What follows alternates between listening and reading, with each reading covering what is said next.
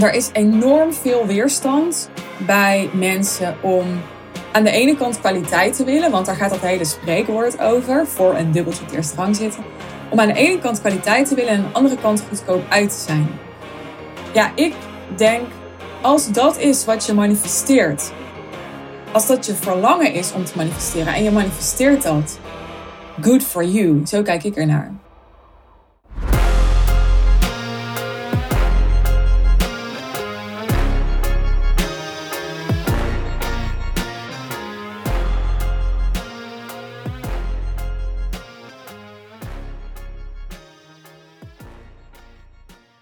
Hallo, hallo. Ik ga deze podcast opnemen terwijl ik mijn eh, make-up doe. Dat heb ik wel eens vaker gedaan, maar dat is wel lang geleden.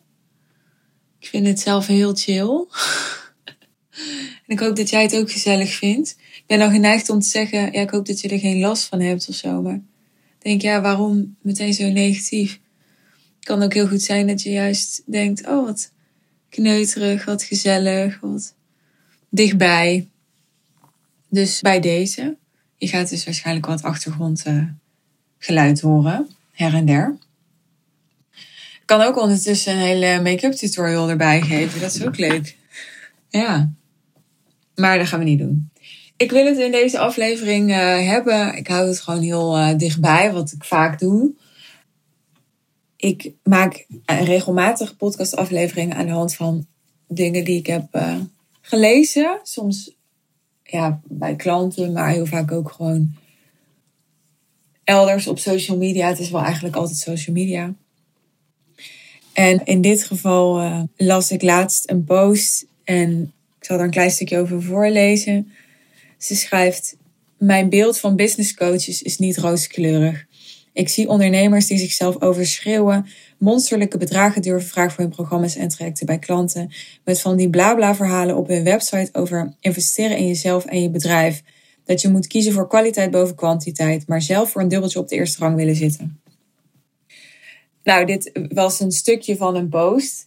En nou heb ik vaker uh, podcasts gemaakt over kritiek op hoge prijzenvragen en zo. Daar gaat deze aflevering dus niet over. Dat, uh, dat kennen we wat mij betreft nou wel een beetje. In ieder geval jij wel als je mijn podcast vaker luistert.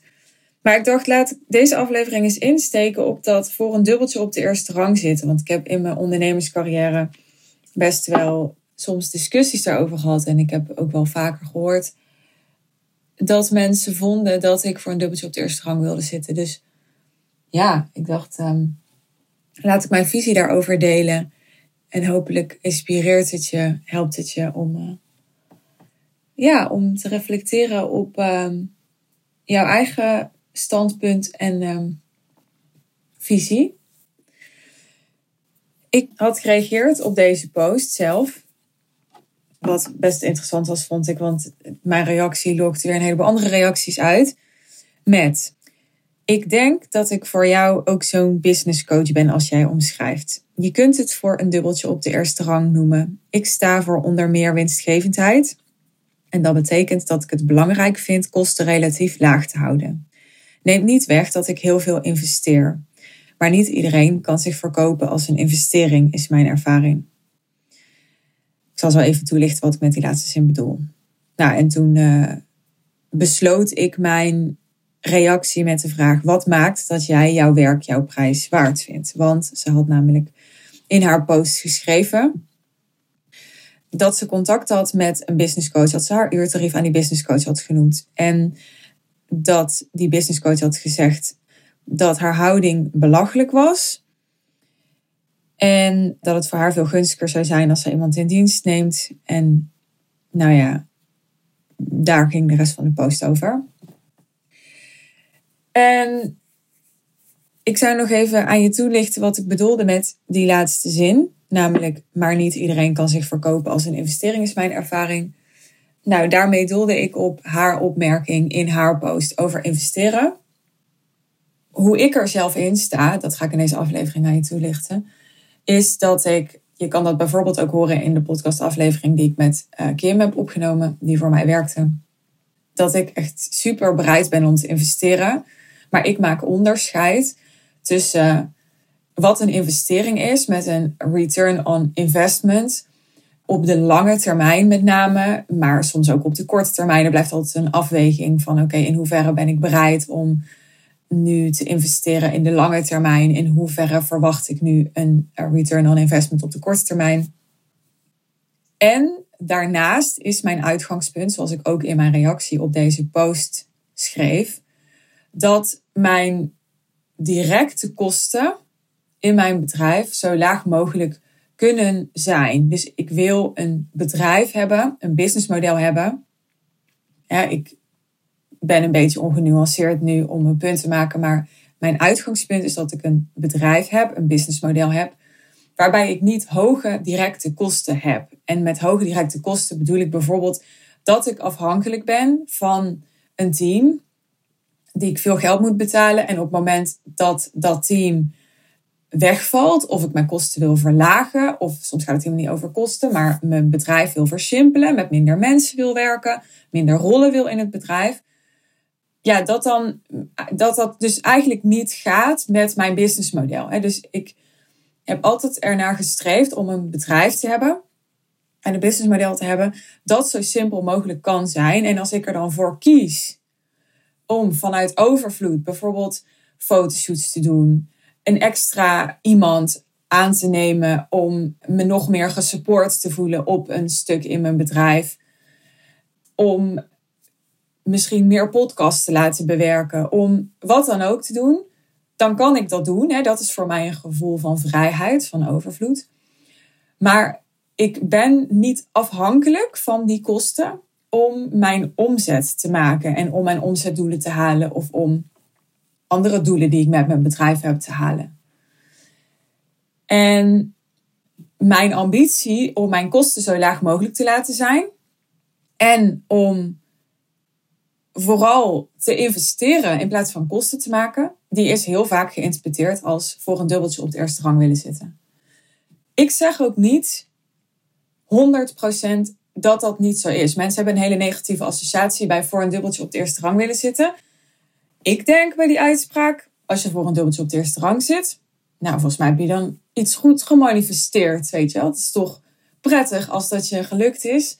En dan snap ik alle tegenargumenten daartegen van, ja, maar dan, stel je neemt even dit spreekwoord letterlijk. Je gaat bijvoorbeeld naar een concert en je zou een dubbeltje hebben betaald om de beste plek te hebben. Dan zou je kunnen zeggen, ja, maar zo'n concert kost superveel geld, zo'n productie. het kost enorm veel geld om als artiest op een plek te komen. Een enorme toewijding, een enorme investering. Niet alleen in geld, maar ook in tijd en in energie. Om ja, op een, een plek te staan in je carrière. Dat je zo'n concert kunt organiseren. Dan mag en moet dat ook beloond worden. En dan mag daar ook naar waarde een beloning tegenover staan. Dat ik zeg niet dat dat niet zo is of dat ik het daarmee oneens ben. Ik denk dat dat een hele, ja, dat dat eigenlijk een heel moreel vraagstuk op zich is. En ook heel subjectief is in hoeverre jij. Kijk, het staat iedereen altijd vrij om, ook al zou je voor een dubbeltje op de eerste rang kunnen zitten, te denken: ja, maar dit concert is voor mij echt duizend euro waard. Ik ga gewoon duizend euro doneren aan deze artiest. Weet je wel? Dus het staat natuurlijk iedereen altijd vrij om te zeggen: de cycle of uh, geven en nemen, investeren en ontvangen is hier voor mij uit balans. Ik kies ervoor om meer te geven. Dat hoeft natuurlijk niet altijd letterlijk door, zoals in dit voorbeeld, zo'n artiest even extra geld te doneren omdat je toevallig een heel gunstige prijs hebt betaald voor jouw plek daar. Je kunt natuurlijk op heel veel andere manieren teruggeven aan het universum. Het hoeft niet direct, zoals ik heel veel geef, gratis weggeef met mijn podcast, waar ik heel veel tijd en geld in investeer. Allemaal geven, geven, geven. Dat is iets wat mensen wel eens vergeten. Dus ze kijken vaak naar, ja, hè, zoals in deze post ook weer, monsterlijke bedragen. Degene die deze post schreef, die bevestigde ook dat ze onder andere in ieder geval mij ook bedoelde of op mij wees met deze post. Dus niet zo dat ik dat in mijn hoofd heb gehaald. Maar wat is er nog meer? Dat is niet het hele verhaal wat heb ik allemaal kunnen geven? En dat weten mensen niet eens. Ik bedoel, die weten niet eh, wat ik investeer en hoe mijn cashflow of mijn, mijn begroting of wat dan ook er überhaupt uitziet. Dus wat heb ik allemaal daarnaast gegeven? Dat is heel veel meer, kan ik je vertellen, dan wat de meeste ondernemers kunnen geven, omdat ik in staat was, doordat ik die marge, die winst had gegenereerd, om dat te doen.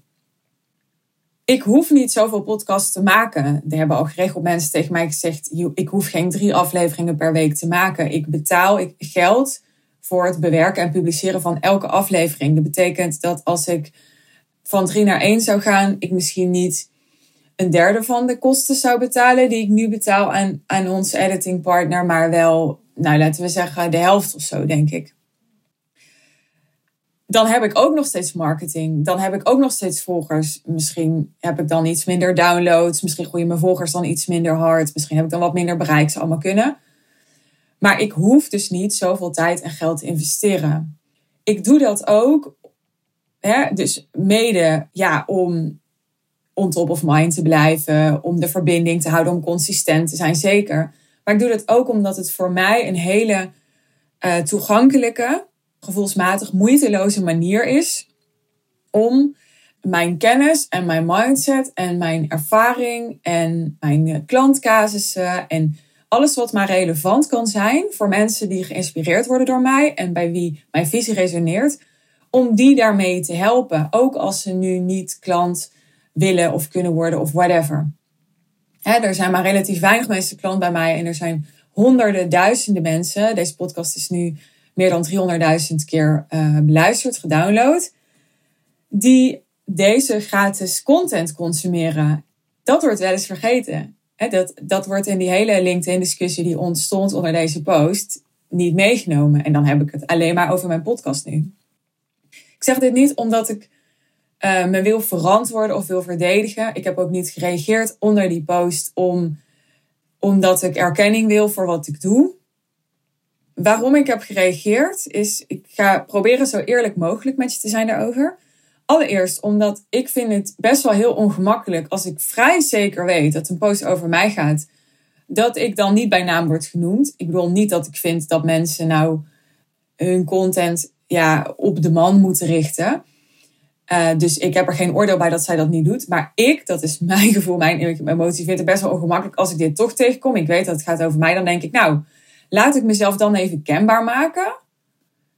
Want je hebt het eigenlijk over mij, terwijl ik in de room ben. Ik lees dit namelijk nu. Dus het is voor mij dan net alsof ik in de room ben met Marietje en met Karin. En Karin en Marietje die praten over mij en ik hoor dat. Maar ik word verder niet bij dat gesprek betrokken.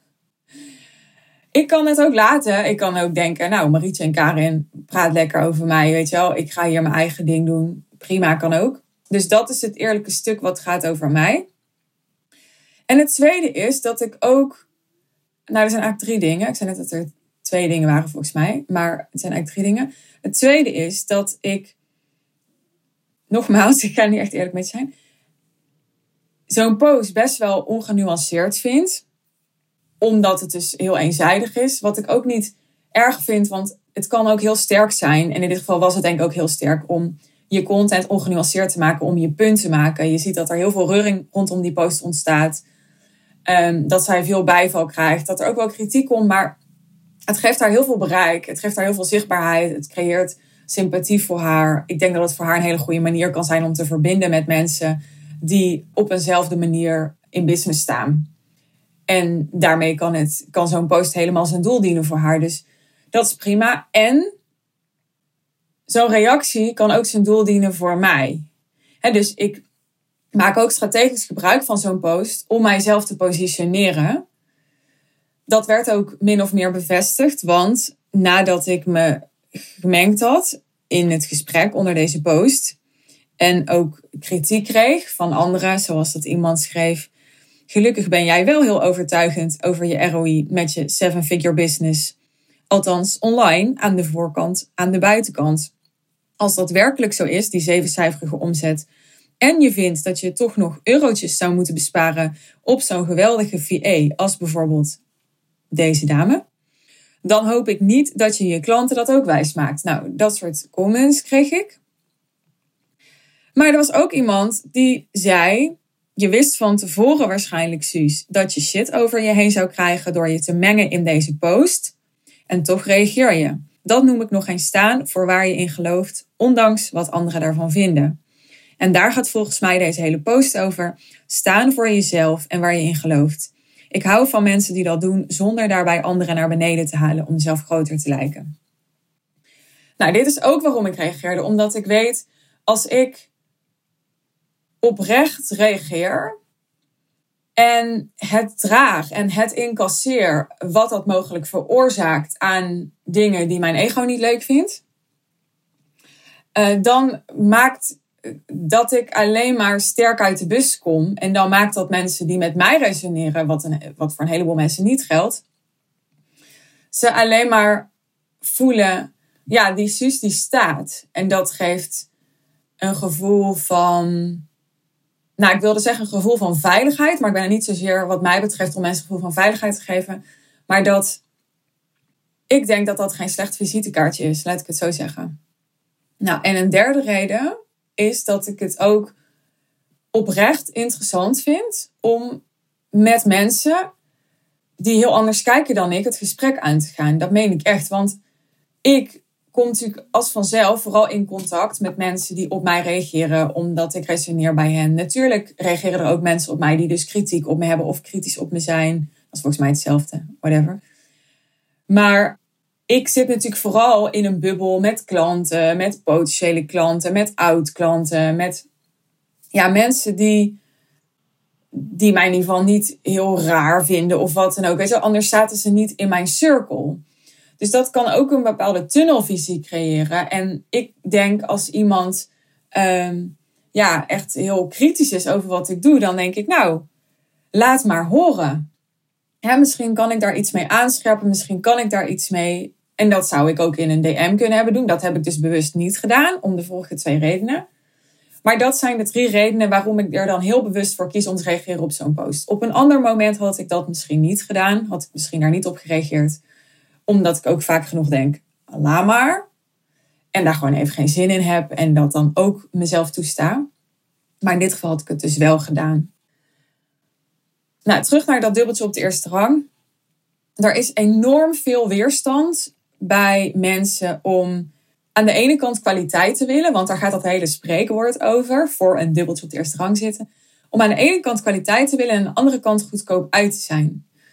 Ja, ik denk, als dat is wat je manifesteert, als dat je verlangen is om te manifesteren en je manifesteert dat, good for you, zo kijk ik ernaar. Dan kun je zeggen, want iemand reageerde ook met: als je een business coach inschakelt die je leert om zo goedkoop mogelijk hulp in te schakelen, dan zou dat dus niet zo'n business coach moeten zijn die vele duizenden euro's vraagt. Want de kans is zeer, zeer groot dat je hetzelfde dan kunt krijgen voor een, voor een fractie van de prijs. Uh, ik snap heel goed die gedachtegang. Dus ik snap dat je dan vanuit die gedachtegang denkt: oké, maar waarom zoek ik dan niet een zo goedkoop mogelijke business coach die ook heel goed is? Nou, dat is omdat mensen, wat mij betreft, nog steeds de denkfout maken dat de investering die ze doen in een business coach alleen een waardeoordeel is over hoe goed die business coach is. Dat is wat mij betreft niet zo. En mijn gedachtegang daarover die gaat best wel ver, voert best wel ver. Dus te ver om helemaal uiteen te zetten in deze podcastaflevering. Dat heb ik in eerdere podcastafleveringen op verschillende manieren wel gedaan. Daar heb jij nu niks aan als je heel erg benieuwd bent naar mijn toelichting hierover. Omdat ik je niet direct naar een andere aflevering verwijs, dat snap ik. Maar even in het kort. Um, mijn traject, de Real Deal bijvoorbeeld, die ik jarenlang heb gehad, er zat gewoon heel veel waarde in. Daar heb ik wel eens een aflevering specifiek over opgenomen. Alleen al in de community. Alleen al in mensen bij elkaar brengen die allemaal eenzelfde soort stappen willen zetten, die allemaal op eenzelfde niveau investeren, die allemaal eenzelfde mindset hebben, die allemaal het vertrouwen in zichzelf hebben om dat niveau een investering te doen. Alleen dat al. Die community heb ik wel bij elkaar gebracht. Daar, daar, daar heb ik wel iets in gedaan, daar heb ik wel invloed op gehad. Maar die community en de waarde die daar bijvoorbeeld in zit, die gaat niet direct over hoe goed ik ben als coach of zo. Daarbij hoe goed ik ben, is eigenlijk totaal irrelevant. Want nou, totaal is, ik ga te ver, want dat is wel degelijk relevant, hoe goed ik ben als coach. Maar ik wil maar zeggen, voor de een ben ik niks waard en voor de andere ben ik tientallen miljoenen waard. Dus het is wat mij betreft niet zo dat omdat ik vele duizenden euro's vraag, zoals in de reactie onder deze LinkedIn-post werd opgemerkt, ehm, dat ik daarmee hypocriet ben, omdat mijn standpunt eigenlijk is: je zou zo goedkoop mogelijk in moeten kopen en ik ben zelf ook niet goedkoop. Want wat als ik wel goedkoop ben? Kan dat ook de gedachtegang zijn? Dat is natuurlijk waarvoor een heel groot deel mijn visie op is gestoeld. Hoe kan jij ervoor zorgen dat als je bij mij investeert, dat ik dan voor jou goedkoop ben? Want dat kan namelijk, en dat is ook voor heel veel ondernemers zo gebleken. Ik zou niet deze investering vragen als ik niet de overtuiging had dat mensen daar de allerbeste ROI door konden krijgen. Ik weet dat ik mensen heb geholpen. Niet iedereen, dat, dat vind je ook bij geen enkele coach of business coach. Maar ik weet dat, ik, dat voor een groot gedeelte van de mensen die ik heb geholpen geldt dat ze gewoon niet die ROI op een andere manier ergens anders hadden kunnen krijgen. Gewoon niet.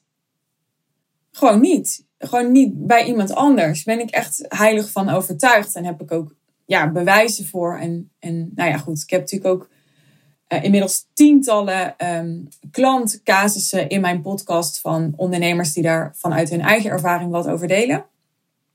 Maar ja, dat betekent dat het dus niet zo is dat je kosten laag houden betekent dat je ook zo min mogelijk zou moeten investeren in een business coach. Hoe ik het zelf als ondernemer altijd heb gedaan, is dat ik en mijn kosten zo laag mogelijk probeerde te houden. En juist wel veel geïnvesteerd heb in coaching, absoluut. En relatief ten opzichte van mijn omzet. Maar dat natuurlijk altijd heb gedaan in de veronderstelling dat op de korte en of de lange termijn ik dat weer terugverdiende. En het ding is dat met heel veel kosten, die ik nou bijvoorbeeld gemaakt heb in teamleden, niet zo was. Dan kan je zeggen, maar dat ligt aan jou, want jij had veel meer uit die mensen kunnen halen. Hè? Want je kan natuurlijk zeggen, oké, jij hebt er heel veel invloed op hoeveel jij uit je investering in je business coach haalt. Datzelfde kun je zeggen over je teamleden. Jij hebt er heel veel invloed op welke return on investment je uit je teamleden haalt. Ja, daar heb je veel invloed op. Ben ik helemaal met je eens. En heel veel teamleden in de wereld van online business zijn gericht, de meeste zijn gericht op toch vooral uitvoerende werkzaamheden doen. En die zijn gewoon tot op zekere hoogte veel meer inwisselbaar dan dat hele goede business coaches inwisselbaar zijn. Daar hangt een andere waarde aan. Ik zeg dat niet om het, denigrerend te zijn over het werk van wie dan ook. Dat is hoe ik er zo objectief mogelijk naar kijk. En als jij daar anders naar kijkt, dan hoor ik dat heel graag van je. Maar dit is hoe ik dat ervaren heb en daar naar kijk. Neem niet weg dat uitvoerend werk heel weinig waard is, of dat het helemaal niet uitmaakt hoe iemand dat doet, of dat iedereen die uitvoerend werk doet uh, dezelfde kwaliteit levert. Dat is ook niet wat ik wil zeggen. Maar wat ik wel wil zeggen is dat ik denk dat we mogen concluderen dat de return on investment die je uit een teamlid die uitvoerend werk doet, haalt, dat de potentie die daarin zit voor de return on investment die je daaruit haalt, kleiner is dan de potentie die er in coaching zit. Dat hoeft niet per se business coaching te zijn. Het kan ook iets van innerlijk werk zijn of iets anders op het gebied van persoonlijke ontwikkeling. Maar ik denk dat we kunnen zeggen dat de potentie van het rendement dat je uit die investering haalt, een investering in jezelf en een investering in je bedrijf, in plaats van een doorlopende kostenpost om je omzet te kunnen dragen, om je klanten te kunnen servicen, om nou, wat dan ook. Dat, daar, dat in die eerste dus veel meer potentieel rendement zit. Nou, dat waren my two cents, of misschien zijn het iets meer dan two, over moet je nou wel of niet voor een dubbeltje op de eerste rang willen zitten? En wat betekent dat eigenlijk? Wat zeggen we daar eigenlijk mee? En ja, waarom hebben we vaak deze negatieve connotatie eraan? En is die terecht?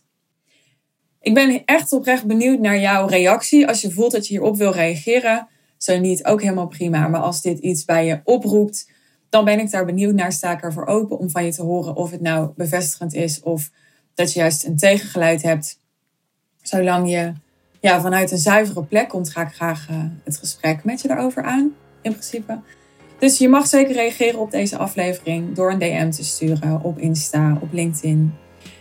Dan rest mij niks anders om te zeggen. Dankjewel voor het luisteren. Wil je gratis abonnee worden van deze podcast? Dat kan. Klik op abonneren in iTunes of op volgen in Spotify. Vond je deze aflevering tof? Wil je deze visie ook aan jouw netwerk laten horen? Denk jij dat meer ondernemers dit zouden moeten horen om ja, hier hun eigen conclusies uit te kunnen trekken? Deel deze aflevering dan gerust. Zo kunnen we meer ondernemers helpen en inspireren. Dankjewel alvast als je dat doet.